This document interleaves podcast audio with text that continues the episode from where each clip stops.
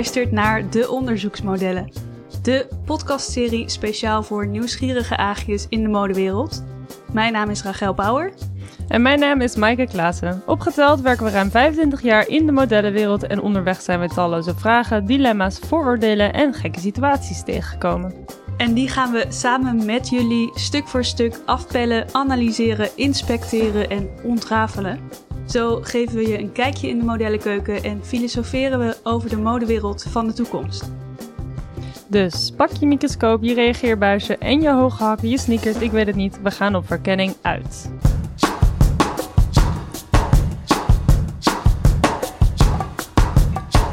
Ja, maar Mike, voordat we de diepte induiken, scroll even door je foto-app. Is er een foto die echt deze week typeert voor jou?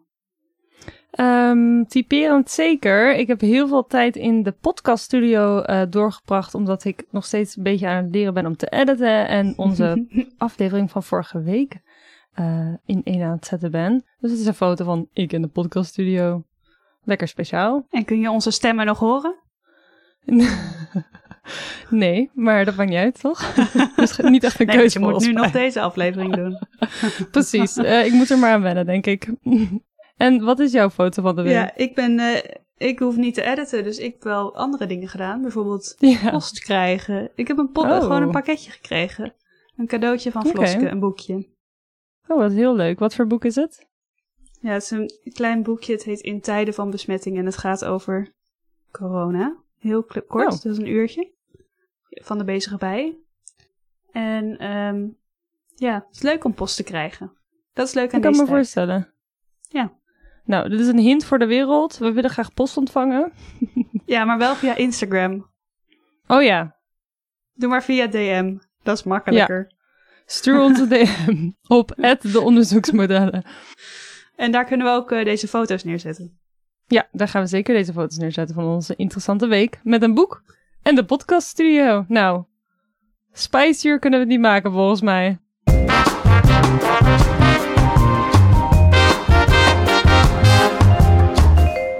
Voor onze volgende afleveringen hebben we een hele lijst met vragen op de onderzoeksagenda. Met experts bestuderen we gescout worden als model, de rol van agentschappen, maar ook het verdienen van geld, de MeToo-movement, te dun, te dik zijn en natuurlijk de meest gestelde vraag der vragen. Mag je als model alle kleding houden? Dat is de cliffhanger van onze podcast. maar dat komt allemaal in volgende afleveringen, want op dit moment is het het voorjaar van 2020 en zitten we midden in de coronapandemie, waardoor de wereld voor een tijdje op zijn kop staat. Dus in deze tweede aflevering stellen we de vraag: hoe ziet de modewereld en het modellenleven eruit tijdens dit corona blijf allemaal thuis tijdperk? En om die vraag te kunnen beantwoorden, nemen we de impact van de corona-lockdown op de verschillende aspecten van de modewereld onder de loep. We kijken wat er allemaal niet meer kan plaatsvinden, maar we onderzoeken ook hoe kledingmerken en tijdschriften hun fotoshoots in de anderhalve meter economie nog wel kunnen realiseren. En wat doen modellen in de tussentijd eigenlijk de hele dag als er geen werk voor ze is en ze niet mogen reizen? Ik vind het een hele goede vraag, al zeg ik het zelf. Want ik, ik ben ook, eigenlijk ook wel benieuwd. Uh, ik ben inmiddels 27. Uh, you wish. ja.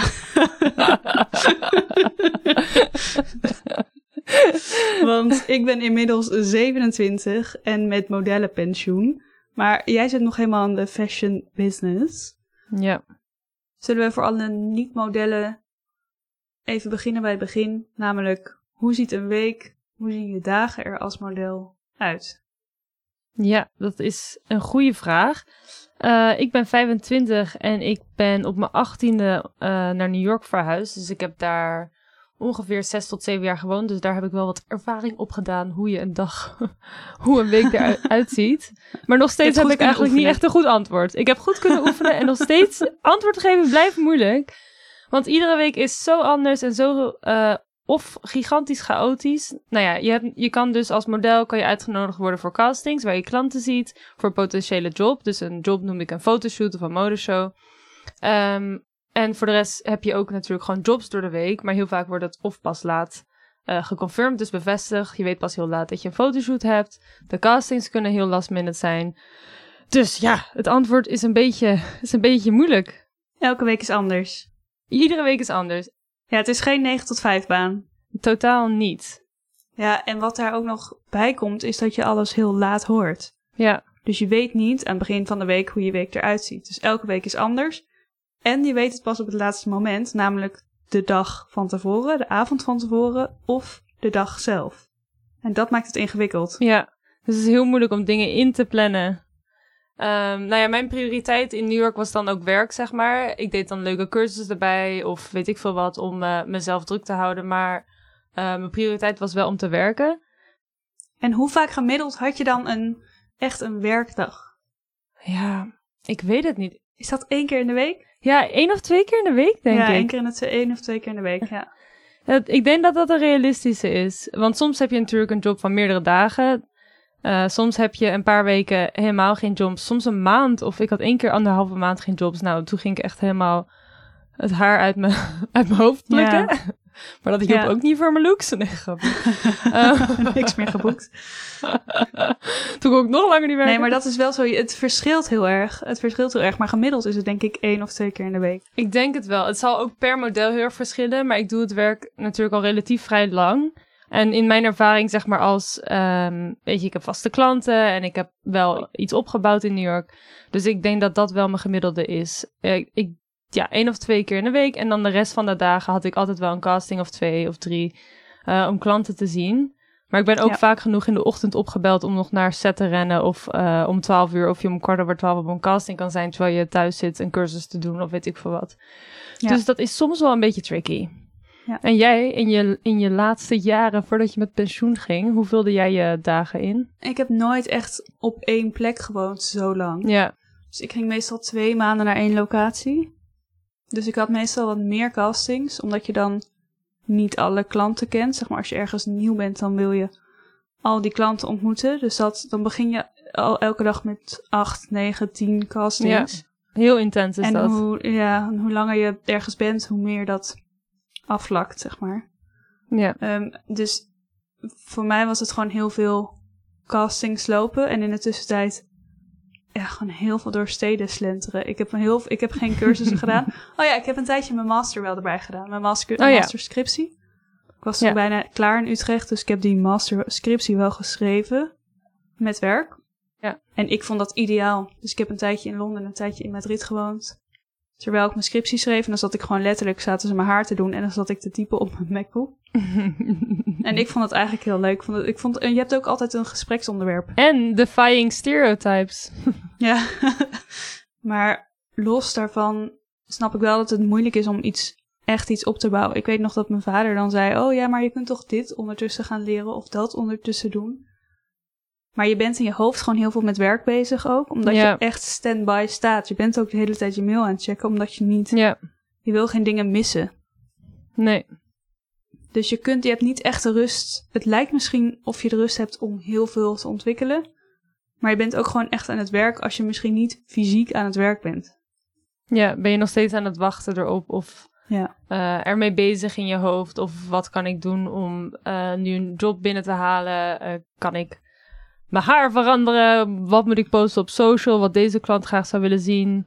Eh, je bent altijd wel ook ergens mee bezig van hoe ga ik de volgende klant weer binnenhalen? Of hoe kan ik mezelf eh, ontwikkelen dat ehm, dat beter aansluit bij wat nu trendy is? Ja.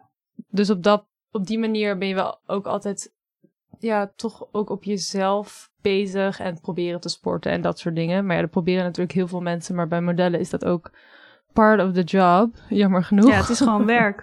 Ja. Ja, nee zeker. Daarom kan je het ook van je belasting aftrekken. Oké, dus even heel kort door de bocht. Als model woon je veelal in een van de modesteden. New York, Parijs, Milaan, Londen.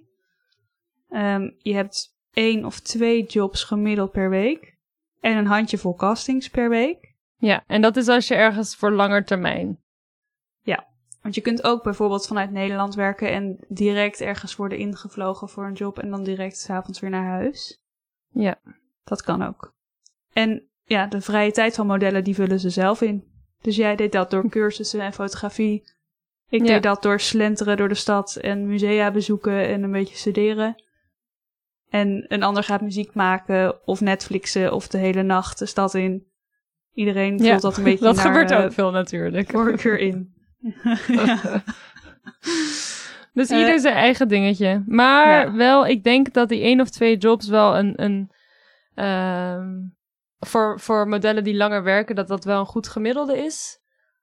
En eh, ja, sommige modellen, als je net soort van doorbreekt, dan waarschijnlijk doe je vijf jobs of zeven jobs in de week. Ik ken meisjes of vrouwen, sorry, die van de ene plek naar de andere plek iedere dag afvliegen. Maar dat gaat ook, eh, het, ja, de ene week is gewoon drukker dan de andere week. Makkelijker kunnen we het niet maken, of moeilijker of verwarrender. Ja, het is echt ZZP-werk, denk ik, dat je het best mee kunt vergelijken. Het is alles behalve in loondienst werken.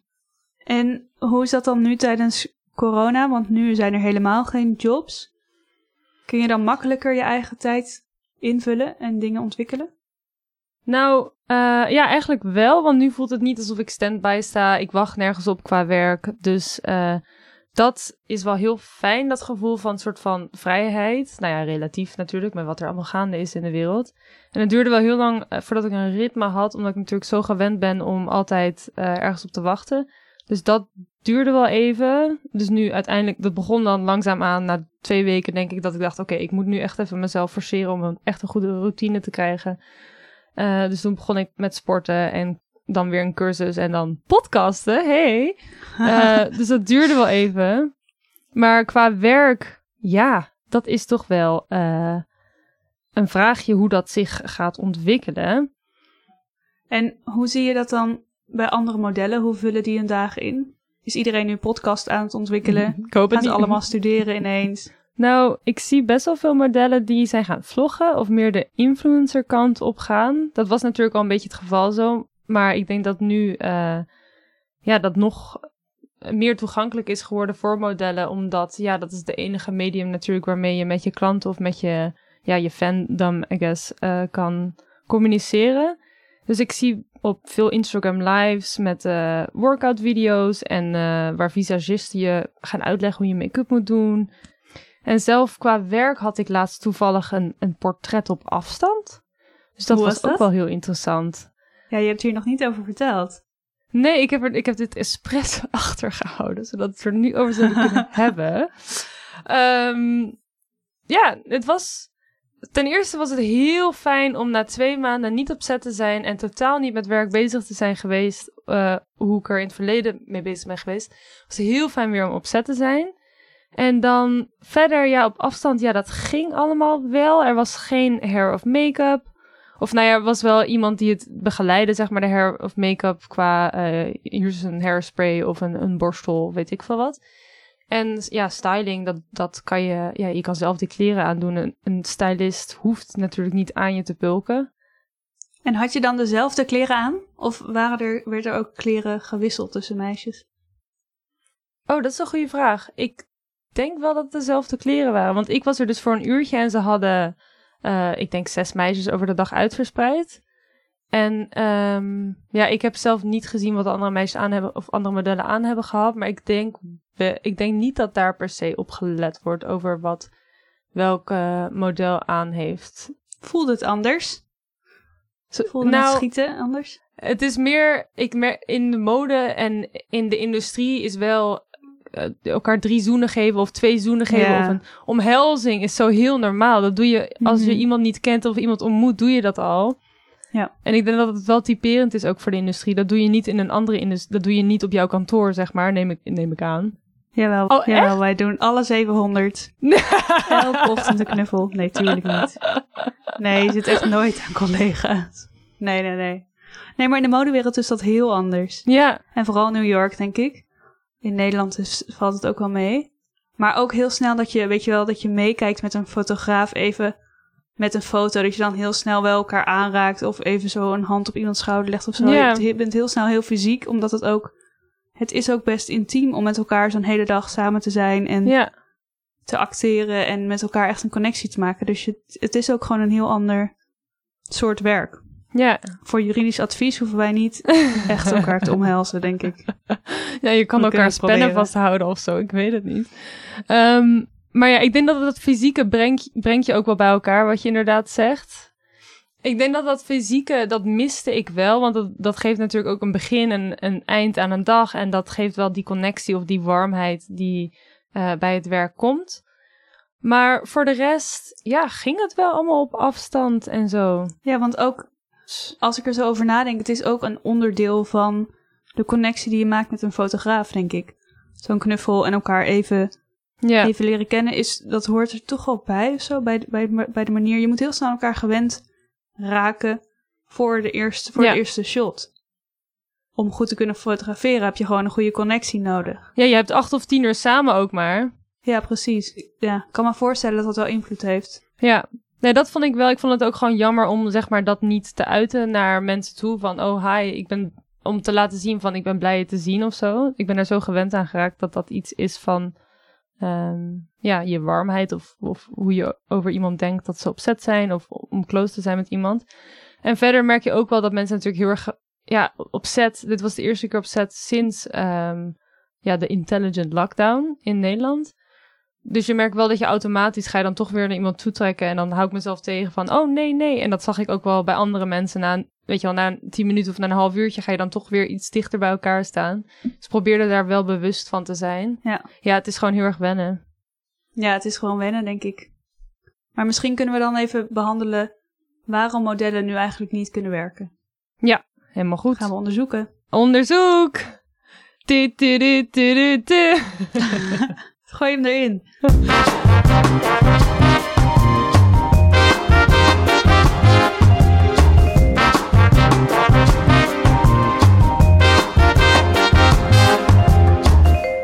Ja, voor modellen is het leven dus totaal veranderd. Voor jou ook, Maaike. En Ja. laten we bespreken waarom modellen eigenlijk niet meer kunnen werken. En daarvoor zijn een paar oorzaken. Ik denk allereerst dat wereldwijd de vraag naar kleding en naar niet-essentiële producten is afgenomen. Dat Ja. is denk ik door enerzijds werkloosheid en financiële onzekerheid. Mensen hamsteren denk ik liever wc-papier en eten dan dat ze, Ja.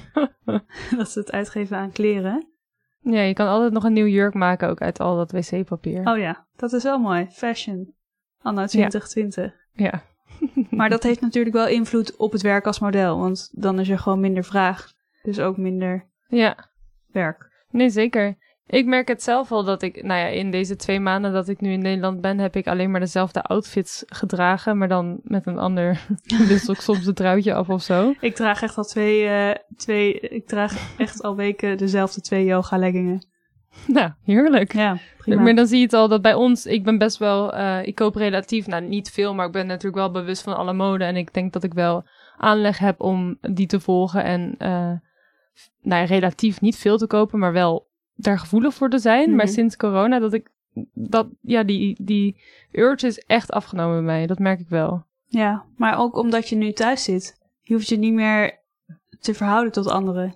In die zin, met de laatste mode. Nee, zeker. En als dat al bij jou zo is, dan al helemaal bij mensen in de hele wereld. Ja, Bij normale nee, mensen. dat dacht ik ook in de, Consumenten. de leuken. Dus, Dus dat heeft invloed op de vraagzijde. Maar ook aan de aanbodzijde heeft corona natuurlijk heel veel impact. ja, Want de hele wereld lag stil, ligt stil. Dus het is heel moeilijk om goederen te vervoeren. Het is moeilijk om grondstoffen te winnen. Het is moeilijk om grondstoffen te verwerken, bijvoorbeeld in textiel. Zijn allemaal werknemers in lage loonslanden nodig. En daar kon tijdje niet gewerkt worden, of daar kan nog steeds niet gewerkt worden. En dan is het natuurlijk ook zo dat modellenwerk en gewoon fotoshoots en ja, die hele productie is heel internationaal georiënteerd en georganiseerd. Dus er wordt vaak een model, een hair en make-up artist en een stylist en een fotograaf en een art director en weet ik veel wie nog meer worden vaak uitgevlogen naar Ja, vanuit de hele wereld. vanuit de hele wereld naar één locatie Ja. waar alles wordt geschoten. Dus ja, hoe ga je dat nu klaarspelen? 10% van de normale vluchten gaan nog nu nog op dit moment nog maar. Ja. En dan om coronavirus niet te verspreiden, kan je natuurlijk ja, vliegen. Hoe, hoe makkelijk gaat dat? Daar kan je niet social distancing. Maar ik, ik Toch? hoop dat dit wel echt, ik weet niet hoe jij dat ziet, maar dat dit de dynamiek Hm. van modellenwerk echt gewoon vast gaat veranderen. Want het is bizar. Het is bizar dat je een blond meisje in laat vliegen vanaf Parijs naar New York om iets te schieten, terwijl daar ook 300 andere modellen rondlopen die blond zijn. Ja, of meer. Ja. Nee, het is super ja, bizar. Ik denk wel dat daar iets van verandering in zal zijn. Want de komende tijd ja, gaan we sowieso allemaal niet reizen. Of misschien dat de trein meer gestimuleerd wordt. Dus misschien dat wij vanuit Amsterdam nog wel een job in Parijs kunnen doen. Maar ja, niet naar, niet naar New York Nee. natuurlijk. Of niet naar. Ja, Milaan is dan misschien ook al iets te ver met de trein. Misschien ook wel uit, ehm uit kostenoverwegingen. Zou je ook nog kunnen denken. Ja. Als merken minder inkomsten hebben nu, dat ze gewoon makkelijker iemand eh, van dichtbij halen, wat ze dan de kosten van zo'n vliegticket besparen. Zeker als die heel duur zijn. Ja, ik denk wel dat de charme voor eh, modemerken en om on-trend te zijn en in mode te zijn, is het natuurlijk soort van cool om- om iemand niet lokaals te hebben. Dus eh, voor een, een Amsterdams merk om iemand uit New York over te laten vliegen, heeft natuurlijk wel een bepaalde Allure. eh, status of ja, allure. Maar inderdaad, ik hoop dat het nu juist de allure wordt van oké, kijk, we gebruiken lokaal mensen, we, we stoten niet al deze CO2 uit met vliegtuigen, we, we belemmeren niet mensen hun gezondheid basically door ze te laten vliegen, toch? nou, ik hoop dat het kan. Dat dat zo gaat veranderen. Ik hoop het ook. Ik zie het wel een beetje op social media. Heb ik wat interviews gekeken van eh, modellen en mensen in de industrie. En vaak hoor je ze wel zeggen van er is een, er- dit is weet je wel, een nieuwe realisatie of een nieuw, eh, ja, een nieuw begin van de wereld. Maar ja, als straks alles weer mogelijk is, reeds. We hebben nu, kunnen we niks. Straks kunnen we weer alles. Alles, Misschien, ja. hè? Dat weet ik ook niet. Hoe groot zal die verleiding zijn? Dat vraag ik me af. Nou ja, laten we hier over een jaar weer over praten. Ja, Kunnen we precies kijken wat er is veranderd. ja, laten we dat doen. En überhaupt denk ik dat die anderhalve meter samenleving echt heel moeilijk wordt met modellenwerk. We hadden het net al even over hoe fysiek zo'n job is. En ik had dat eerst niet eens zo door, want je groeit erin op Ja, vanaf dat je heel jong bent. Maar nu ik op een kantoor werk, merk ik echt hoe fysiek zo'n job is. Dat je hele dag ben je met mensen omringd eigenlijk. Echt heel erg dichtbij. Eh, en ze zitten de hele tijd in je personal space. dus dat kan allemaal veranderen ja, natuurlijk. ik heb bijna geen personal space meer. Überhaupt niet meer. Nee, maar dat, ja, je raakt er heel erg aan gewend, toch? Dat er mensen aan je zitten de hele dag. Dat gefrunnik en gedoe. Ja. Ik weet nog, de een van mijn eerste jobs dat ik thuis kwam. En ik was zo verbaasd over dat iemand gewoon naar je toe komt om een kreukeltje uit je kleding te halen. Of Ja, één haar. Om één haar Ja, te ja, ja. leggen. Maar je bent er heel erg aan, hè? vond ik heb ook heel vaak dat mensen dan zeiden... Oh, sorry, dat ik dacht, hè, maar wat deed je dan? Dat je gewoon niet meer door had. Maar- ik voel het niet meer. Als er gewoon zes paar handen aan je zitten, dat is niet gek. Dat is gewoon niet gek. Dat Nee. gaat de hele dag zo door. Nee.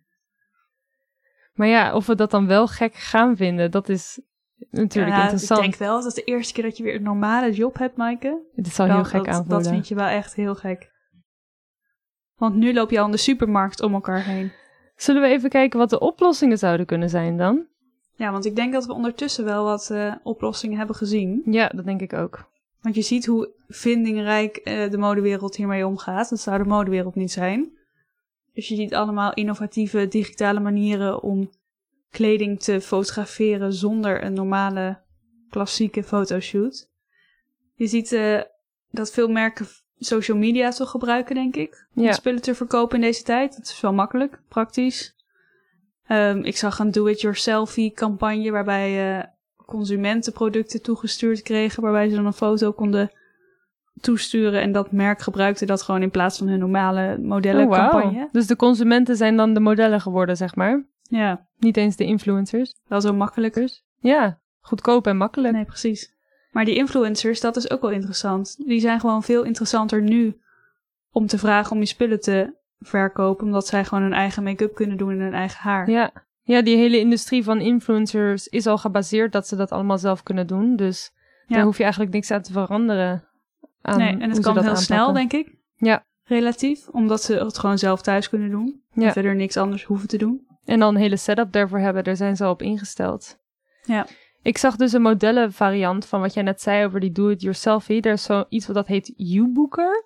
En dat is dus Mhm. een online database waar mensen in de industrie, dus als je bijvoorbeeld een stylist of een fotograaf of een make-up artist of een model en je woont met een eh, fotograaf of andere creatieve talenten, dat ze samenkomen in hun quarantaine, in hun huis, om iets Ja. te creëren. Dus een model en een fotograaf of zoiets. Dus in die database kan je dan mensen boeken, zeg maar, die dan samen in, in lockdown zitten. Om, Is om best hun... slim voor jou ook. Ja, het is ook ook best met een fotograaf. Nee, zeker. Dus ik moet er zelf ook even in gaan verdiepen. Ja. Ehm, maar ja, dat is ook dat is heel slim. En ja, daar heb je dus dan ook maar twee mensen voor nodig. Dat wordt thuis geschoten, de kleding wordt opgestuurd. Nou ja, dus zo kunnen modellen ook nog blijven verdienen en andere creatieven. En een andere manier om nog geld te blijven verdienen voor modellen nu. Een vriendinnetje van mij deed een job twee maanden geleden voor een e-commerce job. En e-commerce is dus gewoon van de voorkant, van de zijkant de foto Mhm. heel snel in een, Voor een een studio. website. Voor een Ja. website.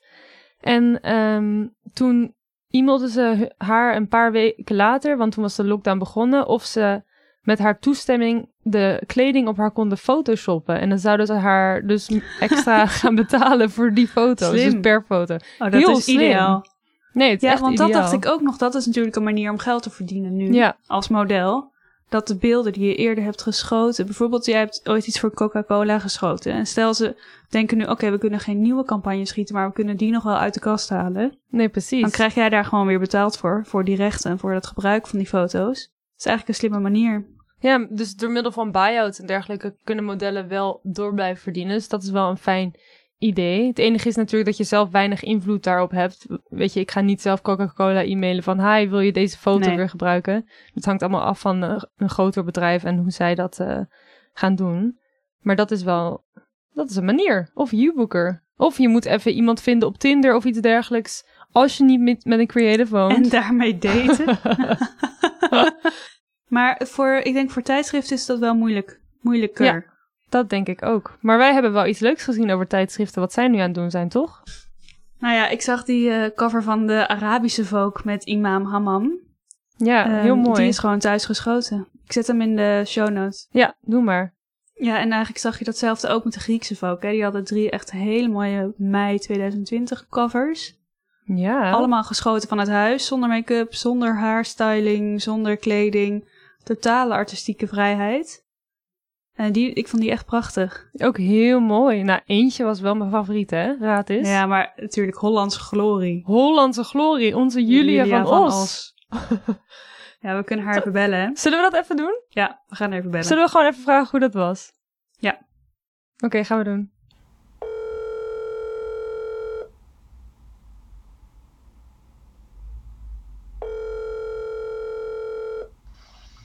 Dus, we hebben nu aan de telefoon Julia van Os. Onze eerste gast. Waar ben jij nu? Ik ben momenteel in mijn appartement in Brooklyn, New York. En ik zit hier al zo'n twee maanden in quarantaine. Heb je al een quarantaine hobby gevonden? Ehm, nou, niet specifiek eigenlijk. Ik doe, ehm, ik doe ja van alles. Ik probeer te schilderen, te schrijven, een soort van mezelf bezig te houden. Dus ja. En gaat dat makkelijker dan in het normale modellenleven? Omdat je dan eigenlijk ook een beetje aan het wachten bent op castings en jobs.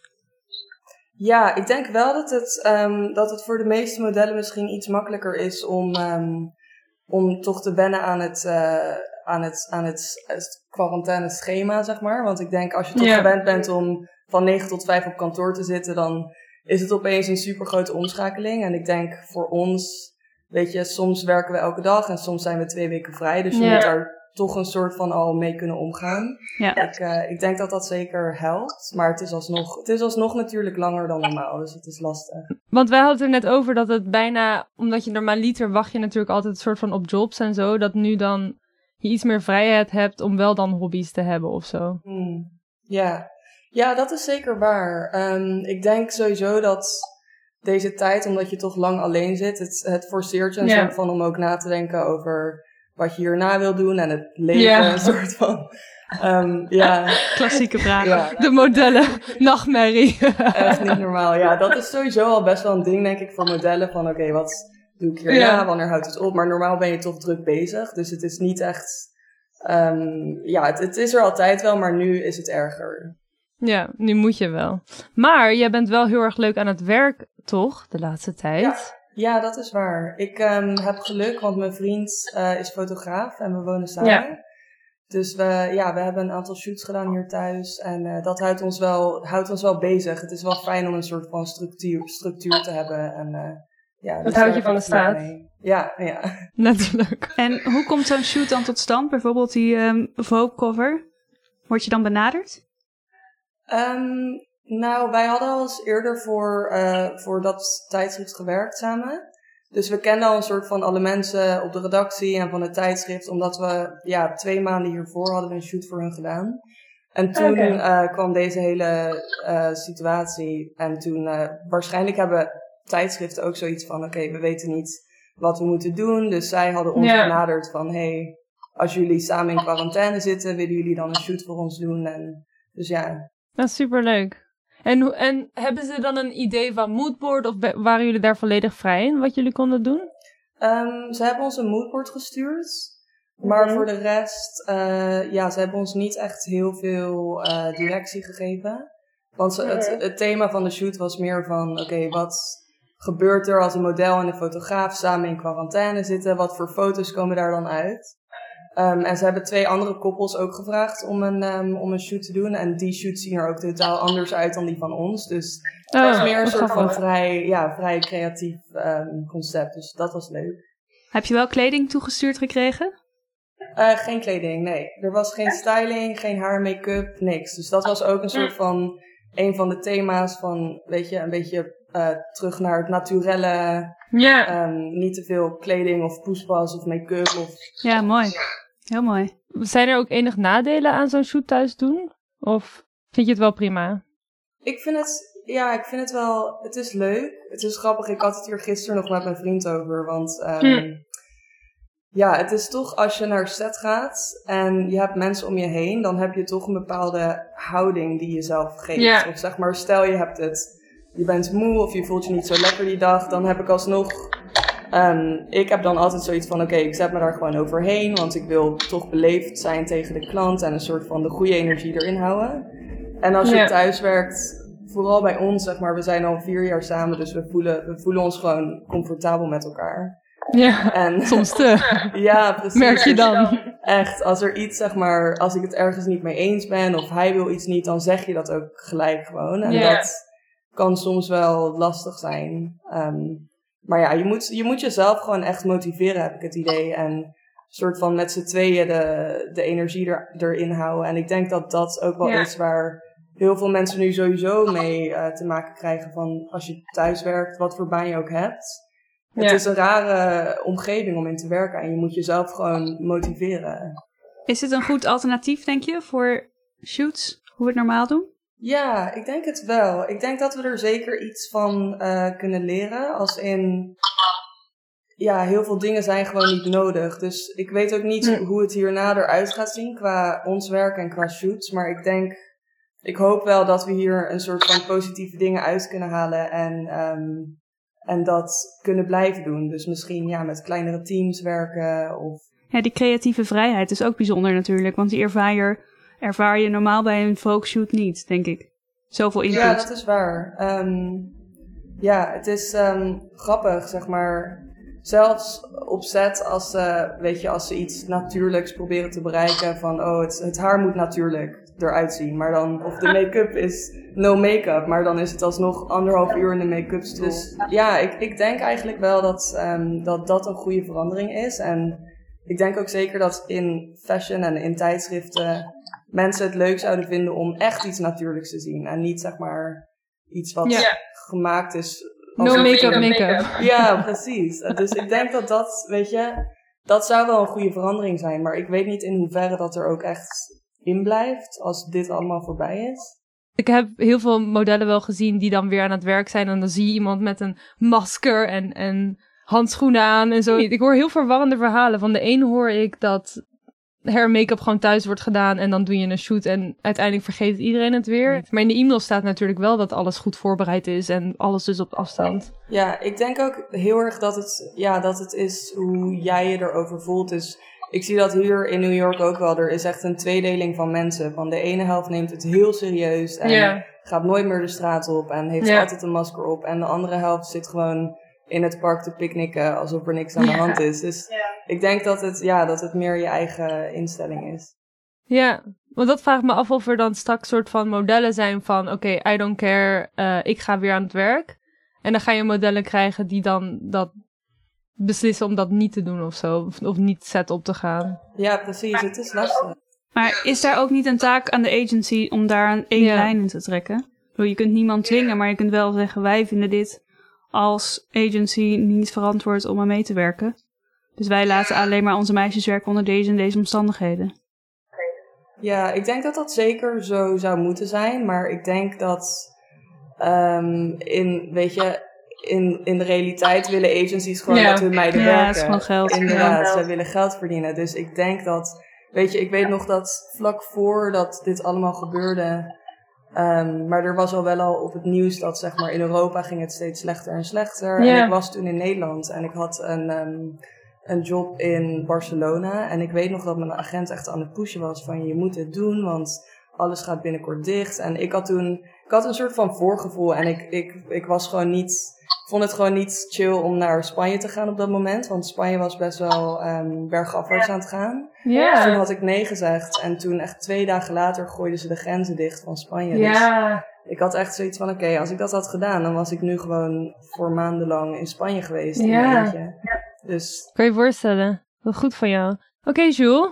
Ik denk dat wij gaan hangen, want wij gaan nog de rest van de aflevering opnemen. oké. Maar Leuk. dankjewel. Maar in ieder geval super bedankt. Oprecht. Super. Ja. Dankjewel, Jules. Dankjewel. Hoi.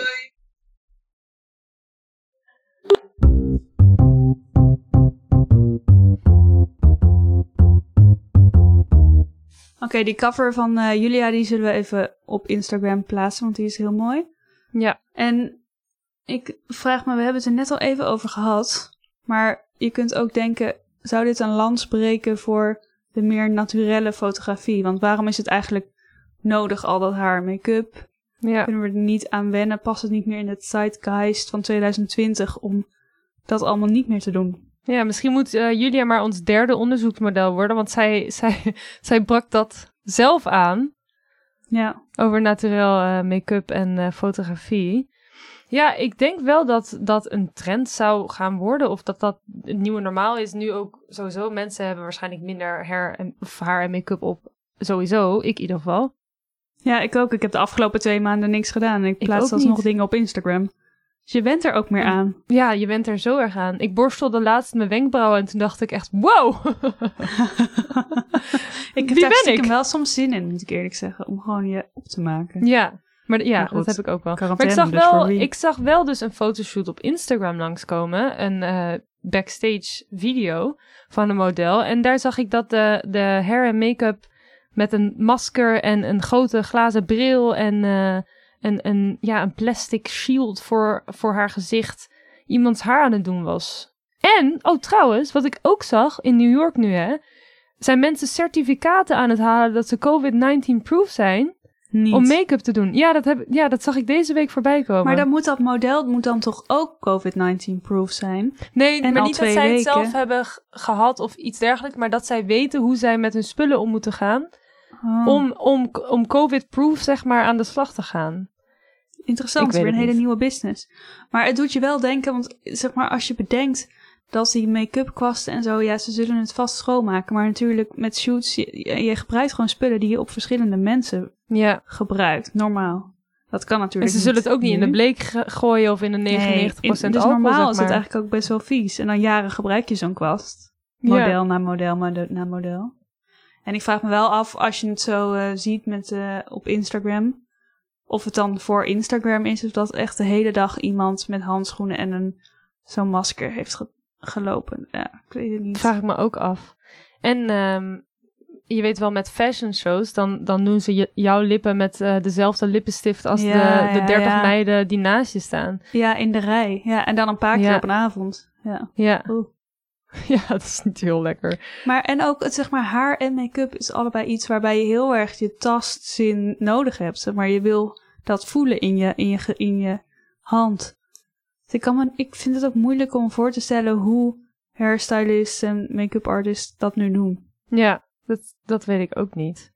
Maar, maar wat je ook ziet nu, is, dat, is digitale modellen. Heb je dat gezien? Ja, dat vind ik echt super eng. Ja, heel Je eng. ziet het verschil bijna niet soms. Zo, er was dus ten eerste die ene Vogue Italia cover die Murt en Marcus hebben geschoten. Ja, ja, ja. Die zullen we ook even op Instagram posten. Maar die hebben dus soort van modellen verzonnen. Dus ik, ja, ik weet het niet. Het ziet er heel realistisch uit. Naar een soort van hyperrealisme.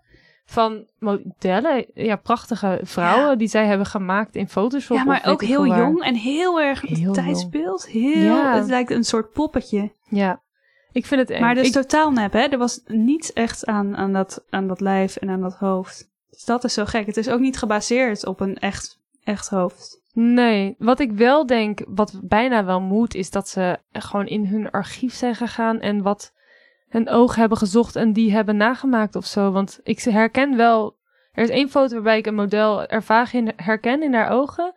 Ik kan me Mhm. niet voorstellen dat ze vanaf, ze zeggen ook dat je geen, zeggen ze onderzoekers, zoals wij, zeggen die niet dat eh, als je droomt over mensen, dus vreemden, dat dat mensen zijn die je op straat hebt gezien. Omdat wij blijkbaar niet capable zijn om, om gezichten te scratch. Nee, maar het is niet zo dat het is gefotografeerd en dat het dan is gebruikt in een andere pose. Het is echt iemand die niet bestaat. En dat is wel eng. Dat is ook eng omdat het, nou ja, als je over modellenwerk hebt, dan is, zit daar natuurlijk altijd een discussie aan van zelfbeeld en wat is het dat je uitstraalt ook naar Ja. anderen. Wat is het impact van zeg maar, mensen die de foto's zien? Want die vergelijken zo'n foto met zichzelf. Gewoon vrouwen, mannen, Ja. en dan, dat wordt nog een stap erger als je ook mensen gaat verzinnen. En een perfect lijf en een perfect hoofd verzint, waarbij Ja. de kleding perfect zit. Ja, dan is dat alleen maar erger. En zo'n invloed natuurlijk nog twee keer zo groot. Maar het is wel een oplossing. ja, het is zeker een oplossing. Het is alleen niet heel goed voor de modellen, financieel gezien. ik bedenk me nu wel dat ik ooit een keer een 3D-shoot heb gedaan. Oh ja.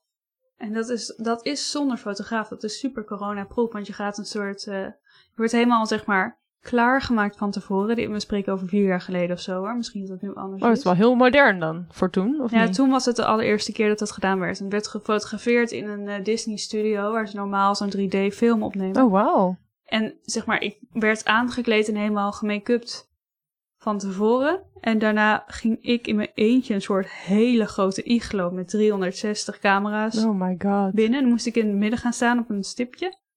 En dan werd het dus totaal, alles werd gefotografeerd in 3D. En er was dus ook geen, geen fotograaf in die ruimte. Dus normaal geef je energie aan een fotograaf en Ja. je krijgt dat terug. En je, er wordt steeds kleding een beetje aangepast en dingen aan je haar, make-up. Ja, is altijd een soort van interactie. Ja, nee, nu ging gewoon de deur dicht en het was een soort grote ronde. Oh, je was echt in je eentje in die ruimte ook? Ja, ja, ja. Oh, wauw. En dan werd er afge, afgeteld en dan werd er één foto gemaakt.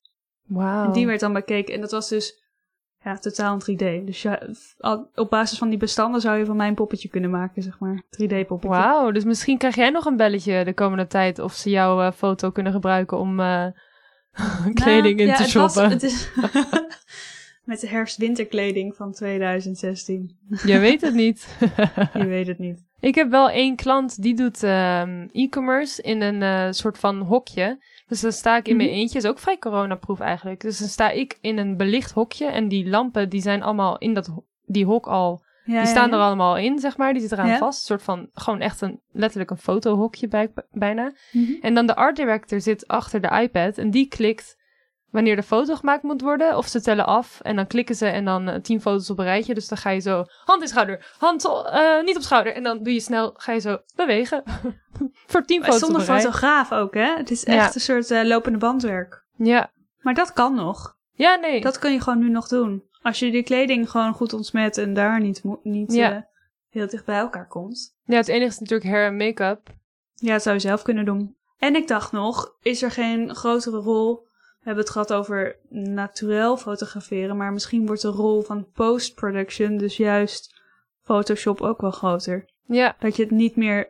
Kijk, haar is dat moeilijker, maar make-up hoef je niet per se te doen vooraf. Die zou je ook achteraf kunnen photoshoppen. Is duur, maar is wel een oplossing. Ja, en ik heb het dan nu op eh, social media zien langskomen komen wat eh, een, vriendin eh, van mij, een model, die een fotoshoot via FaceTime heeft gedaan. En toen heeft iemand daarna de make-up erop eh gefotoshopt. Bizar. Ik zou het wel heel zonde vinden van de craft, zeg maar, van haar en make-up, weet je. Ja. Totaal gebagitaliseerd ook. ja, dat zou ik wel jammer Ja. vinden. Ook. Dat is natuurlijk ook zo met virtuele modellen. Ja, nee, zeker. Als je dan zegt, oh, we hebben geen modellen meer nodig, maar die heb je wel nodig, want er zit energie en creativiteit in. Ja. The more the merrier. Maar genoeg oplossingen dus. Ja, er zijn zeker genoeg oplossingen. Het is allemaal niet ideaal, maar het gaat werk dus wel iets makkelijker maken, deze dingen. Ja, en ik ga bijvoorbeeld over een paar weken ga ik weer digital schieten voor de non-modellen. Digitals zijn zeg maar je promotiemateriaal, dus hele simpele kiekjes. eh, Ja, die zijn überhaupt al zonder make-up en zonder zijn- styling. die zijn zonder styling, zonder make-up. Of nou, je doet zelf wat op, eh, voor, op je rode pukkeltje, maar voor de rest eh, helemaal niks. Dus dat ga ik ook weer een paar weken doen, dat ik denk, oké, nou dat kan dus wel. En ja, ik hou je op de hoogte of ik daar dan een, een, een shoot op afstand uit ga halen. ik ben benieuwd. Oké, ja. Adviescommissie. Oké.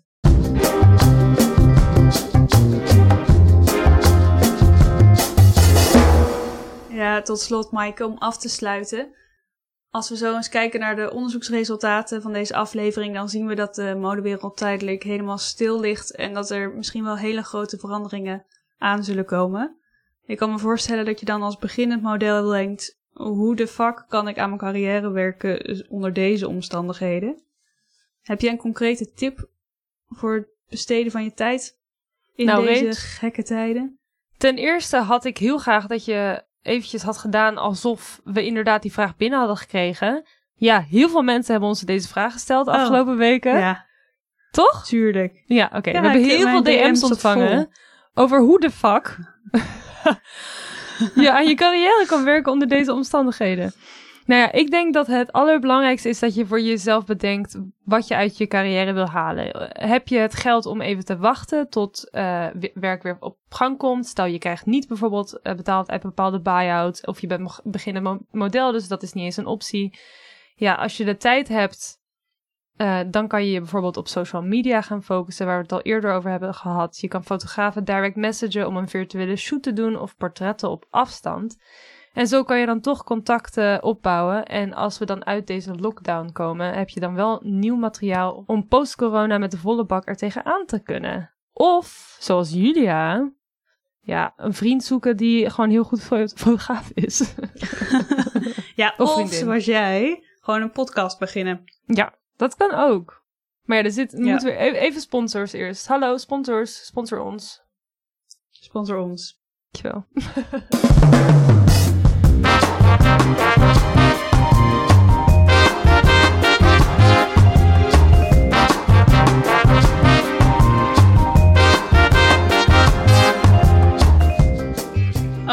wat hebben we vandaag onderzocht?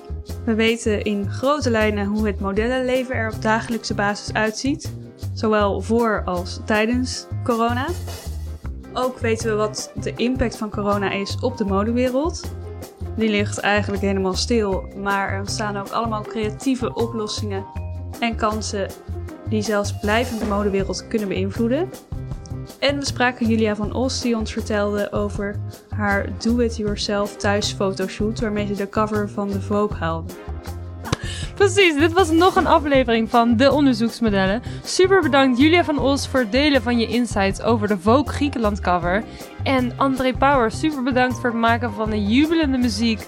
Even kijken, wie, wie, wie waren er nog meer Jezelf, eh, jezelf. in deze podcast? Ah, ik! Oh, dankjewel Mike. Oh, en jij Rach. Super bedankt Super. Rach. Echt helemaal Ja, leuk. maar ook bedankt voor het luisteren. Oh ja, ja, dat Ja. al helemaal natuurlijk hè. En tot de volgende keer, want de volgende keer onderzoeken we het fenomeen gescout worden. Oeh. En wil je in de tussentijd niks missen, dan kun je ons vinden op Instagram. En dat is de onderzoeksmodellen.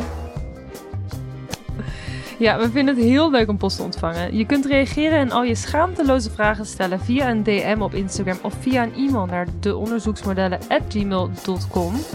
We hebben een e-mail, super hip, en misschien beantwoorden we je vraag in de volgende aflevering in de adviescommissie. Rage, adviescommissie. En wil je nou niks missen en samen met ons op onderzoek uit, abonneer je dan via Spotify, via iTunes of via het platform waar jij de podcast luistert. En eh, daar kun je ook een recensie achterlaten. Oeh. Spannend. Tot de volgende keer. Doei doei.